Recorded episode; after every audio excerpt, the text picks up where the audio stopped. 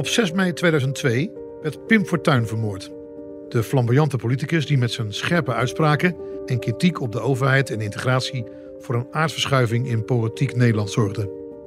Het was een man met veel aanhangers en veel vijanden. Ik ben Paul van der Bos, hoofdredacteur van onder andere AD Rotterdams Dagblad. En samen met collega Peter Groenendijk spreek ik met verschillende Rotterdammers over het fenomeen Fortuyn. Hoe kijken zij 20 jaar later terug? Op zaterdag 9 februari 2002 verscheen in de Volkskrant een interview dat heel Nederland op zijn kop zette. Journalist en inmiddels Rotterdammer Frank Poorthuis was één van de makers. In het artikel uitte Fortuyn grote kritiek op de islam en artikel 1 van de grondwet. Daarop werd hij uit Leefbaar Nederland gegooid en richtte hij zijn eigen partij op, de LPF. Frank Poorthuis vertelt hoe dit historische interview tot stand kwam. Hoe had de geschiedenis gelopen zonder dit gesprek? En voelt hij zich verantwoordelijk?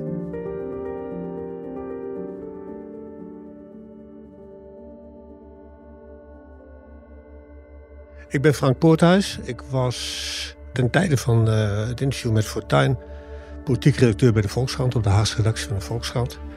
Um, en daar zat ik al een paar jaar en daar heb ik nog gezeten tot 2005, 2006. En toen, daarna heb ik allerlei journalistieke functies elders gehad.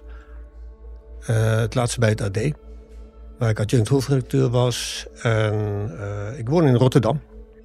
Niet zo ver van waar Pim Fortuyn woonde. Het was 2001, 2002, zo zit het eigenlijk in mijn hoofd. 2001 hadden we natuurlijk het, uh, de 9-11 in, uh, in New York. Uh, we zaten ook al aan het eind van Paas 2, waar heel veel politieke schermutselingen waren over waar moeten we nu naartoe. We zaten nog met de nasleep van Srebrenica. Er zat van alles door elkaar in in, dat, in die tijd. En politiek gezien zag je heel duidelijk dat het naar het eind toe liep. Met dit kabinet, met het tweede kabinet Kok. Er was een partij, Leefbaar, die opkwam, die wel wat sentimenten vertegenwoordigde, die denk ik niet alle partijen zagen gebeuren, behalve de SP misschien, maar dat, daar praten verder weinig mensen over. En in één keer was Pim Fortuyn de lijsttrekker van Leefbaar Nederland. Dat was zoals bij ons overkwam eigenlijk. In één keer uh, hadden ze iemand die, die we her en der al in het land en op dingen al wel hadden gezien, maar die in één keer lijsttrekker van Leefbaar Nederland werd. En in één keer was daar uh, Pim Fortuyn met Leefbaar. Waarvan wij tot redelijk lang voor dat die verkiezingen waren... en waar er natuurlijk heel veel tumult gebeurde... dachten, het is leuk dat ze meedoen. Het is spicy en het is heel bijzonder. Maar het zal de, de orde niet omvergooien. We interviewden iedereen links en rechts... en we hoorden rond en we schreven verhalen, analyses... Uh, en in één keer was Pim Fortuyn daar, de, de man die heel goed kon praten en uh, die ook iets op tafel legde waarvan we misschien wel wisten dat het klopte, maar ook niet zeker wisten of het klopte.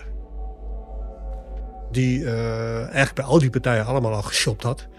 Bij PvdA, CDA, VVD en nog een paar andere types. En daar allerlei plannen had neergelegd. Overal waar lijsttrekker had willen worden, in ieder geval heel belangrijk. en die had nu een plekje gevonden, in één keer in de zon. Bij Leefbaar.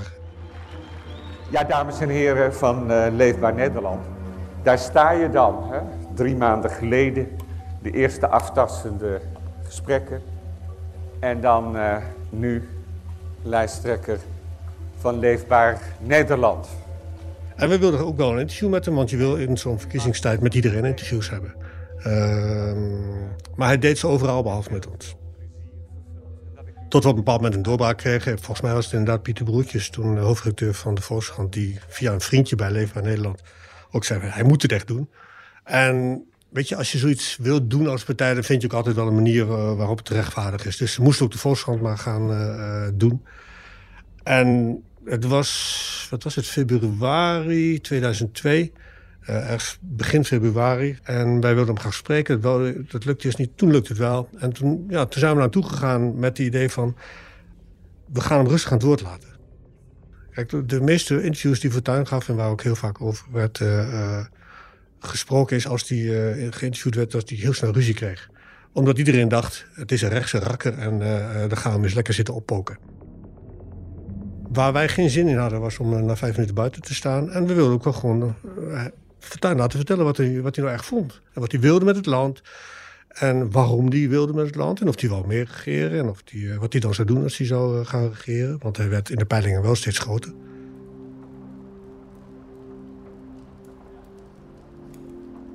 Ik kende Rotterdam nog niet zo goed. Het was voor mij een beetje een regenachtige donderdagmiddag, denk ik. Uh, ehm, 7 februari vanuit de trein uh, vanuit Amsterdam naar uh, Rotterdam gegaan. Eventjes lopen vanaf Centraal Station naar het GW Burgerplein. En wat toen iets minder goed was dan nu volgens mij. het was nog een beetje... het was nog een beetje shabby. Behalve zijn huis, was een fantastisch huis is natuurlijk. Een Palazzo di Pietro. Er waren mensen aan het werk en de butler van Pim ontving ons eerst.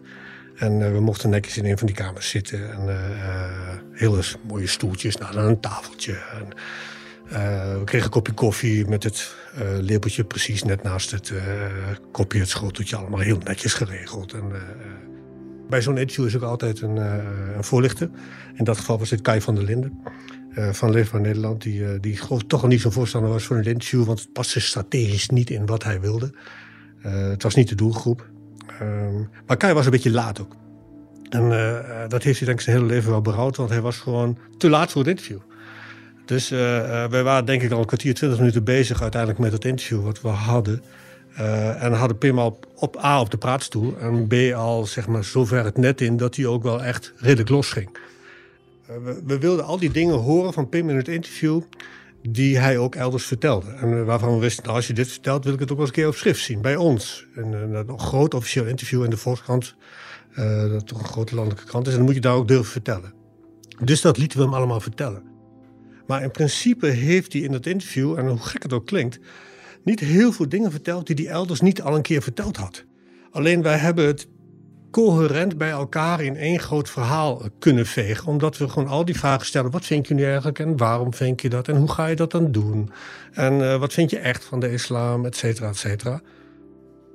Maar waar het om draaide, denk ik, in het interview was dat hij zei dat de uh, islam een achterlijke cultuur was. En dat de, hij zag het gevaar van de politieke islam. Dat is wat hij heel goed onder, uh, onderstreepte. Jongens, we zijn in een tijd beland die je nog niet doorhebben. Maar dit is aan de hand. Geen misverstand. Fortuyn is een griezelig rechtse man. Vanochtend, in een krantinterview, heeft Pim Fortuyn laten zien wat hij wil. Het masker afgeworpen. Dit is niet gewoon rechts. Dit is extreem rechts. Zet je schrap. Wij kiezen voor één samenleving van alle Nederlanders. Wij kiezen tegen de tweedracht die nu door Fortuin en zijn volgelingen van Leefbaar Nederland wordt gezaaid. En vooral doordat alle andere politici zo enorm tekeer gingen, hadden die mensen bij Leven ook zoiets van: nou, dit kan echt niet goed zijn, dit doen we fout. En daardoor werd het groot. En daardoor werd, uh, volgens mij was het die zaterdagnacht. Die, ik denk die zaterdagnacht. Die zaterdagnacht kwam die nacht waarop hij uh, bij Leefbaar moest gaan vertellen van... Uh, jongens, ik sta hierachter. Ik, heb, ik neem geen woord terug. Heeft hij ook tegen ons altijd gezegd. Dit was het interview, dit hebben we gehouden. Jullie hebben precies opgeschreven wat ik heb gezegd. Voelde zich nooit genaaid. En hadden ook niet de indruk dat we hem aan het naaien waren. Het is gewoon, dit was het. en hij stond, heeft altijd achter het interview blijven staan. Maar wat ik me herinner is wel dat als je daar zit en je ziet die man zo bevlogen zijn, dat is. En, en je ziet daarna ook. je kunt dit bijna niet meer loszien van wat er daarna gebeurt. Het is heel erg lastig. Um, maar dat interview was een zeer bevlogen interview van hem. Hij vond het echt. En hij was aardig voorkomend. Hij maakte grapjes. Het was een heel ontspannen interview, eerlijk gezegd hoor. Hij vond het grappig om met ons te zitten, want we waren toch een zekere zin de vijand. Uh, hij was voor ons niet de vijand, maar wel iemand die in een ander spectrum uh, zat dan wij gewoonlijk als Volkskrant zaten. Dus we, hadden, we ook wel lol. En we vonden het ontzettend grappig om er tegenover die man te zitten die gewoon die lekker op zijn praatstoel zat. En waar wij op dat moment natuurlijk wel zagen dat we een ontzettend leuk interview aan het houden waren. Dat is als je terugloopt naar zo'n interview, dan weet je, dit is hem wel. er zijn natuurlijk ook mensen die ons verantwoordelijk hebben gehouden voor die hele nasleep daarvan. En uh, dat denk je zelf ook wel eens. Als dit niet gebeurd was, was hij misschien niet verantwoord. Natuurlijk. Maar dat kun je nooit zo zeggen. Weet je, er, is, er lopen altijd gekken rond die overal een aanleiding in zien. Dat hebben we de afgelopen jaren ook wel gezien. Dus, uh, maar het maakte Pimbo zo groot dat hij nog meer het doelwit werd van, uh, van alles en iedereen. Nou, de motor Pim Fortuyn heb ik denk ik heb ik ervaren zoals alle politiek verslaggevers die ervaren hadden. Het was echt je houdt het niet voor mogelijk. Je hield het niet voor mogelijk. En we waren net zoals iedereen gewoon in schok. Ik zelf was in ehm, Limburg op een partijbijeenkomst van Dijkstal. Diep in Limburg. En zes over zeven, geloof ik. Nee, zeven over zes ging de telefoon, bij hem ook en bij ons ook. Jongens, uh, Pim Partijn vermoord, extra journaals, et cetera. Nou, wat je dan doet is gewoon uh, even daar uh, reactie halen. En, ik geloof niet dat Dijkstal een reactie, die had nergens reactie op. En terugrezen naar Den Haag, waar mijn werk is. Um, en daar was het tumult al bezig. Democratie is vermoord!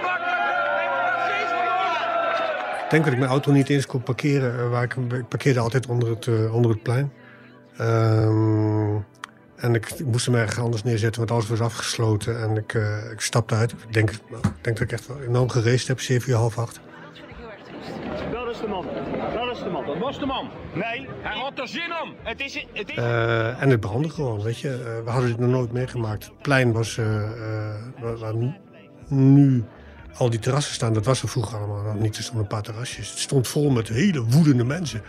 Er brandde iets, ik weet niet wat er brandde, maar uh, misschien was het een auto, misschien was het een oliedrum. Ik heb geen idee wat er brandde. Er stonden mensen met plakaten en er, stonden, er werd geschreeuwd en uh, uh, ook wel gehuild, denk ik. En dat, door die menigte ging ik heen. Op een bepaald moment ben je wel klaar, dan heb je het wel gezien. Weet je, je kunt niet een uur staan, want het is allemaal hetzelfde.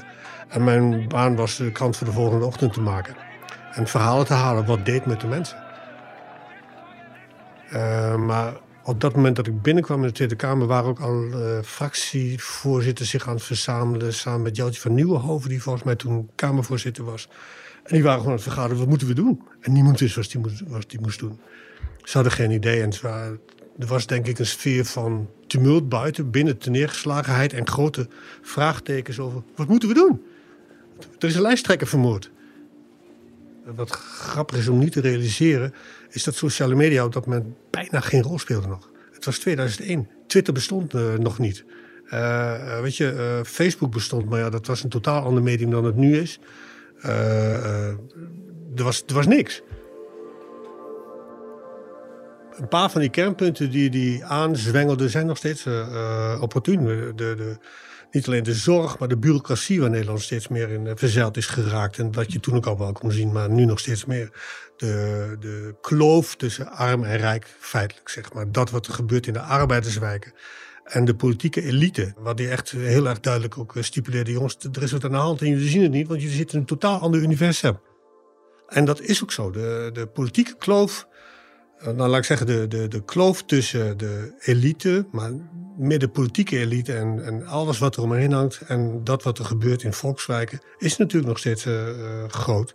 Maar ook de kloof tussen arm en rijk en tussen mensen, de have en have-nots. Tussen mensen zoals wij hier zitten en mensen die in de Tarwewijk in Rotterdam wonen, die is natuurlijk nog steeds. En de, ja, wat hij echt goed heeft gezien, wat nog steeds een van onze grote problemen is, denk ik toch wel de extremistische islam dat is gewoon een probleem wat we nog steeds hebben. En dat, uh, dat, gaat niet voorbij, dat komt met golven, maar uh, dat heeft hij allemaal goed gezien. Ja, bureaucratie, extremisme, de achterstanden in de, in de wijken, ja, dat heeft hij goed gezien. Integratieproblemen, waar we nog steeds mee worstelen.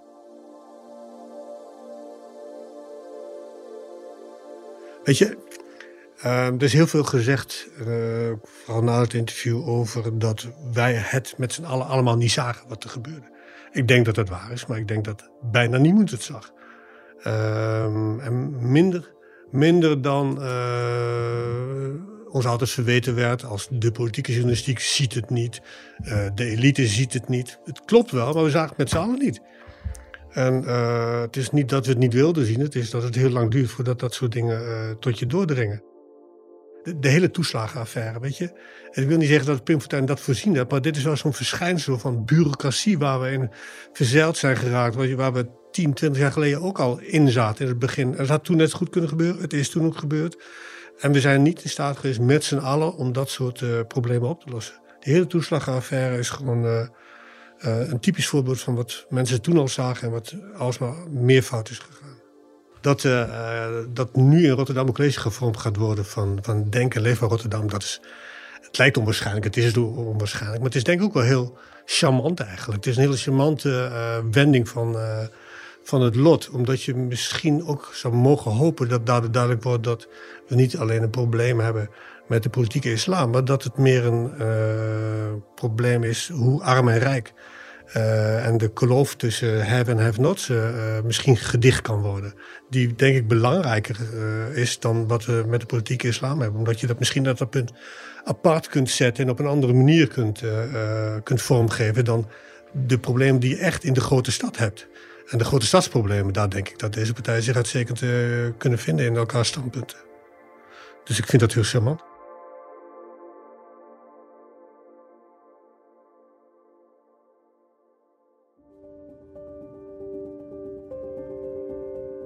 Dit was Fortuin, door de ogen van Rotterdam. Je hoorde journalist Frank Poorthuis, maker van het historische interview met Pim Fortuyn. Ik ben Paul van der Bos en ik maakte deze podcast samen met Peter Groenendijk. Voor alle andere podcasts van het AD, kijk op ad.nl slash podcast of in je favoriete podcast app.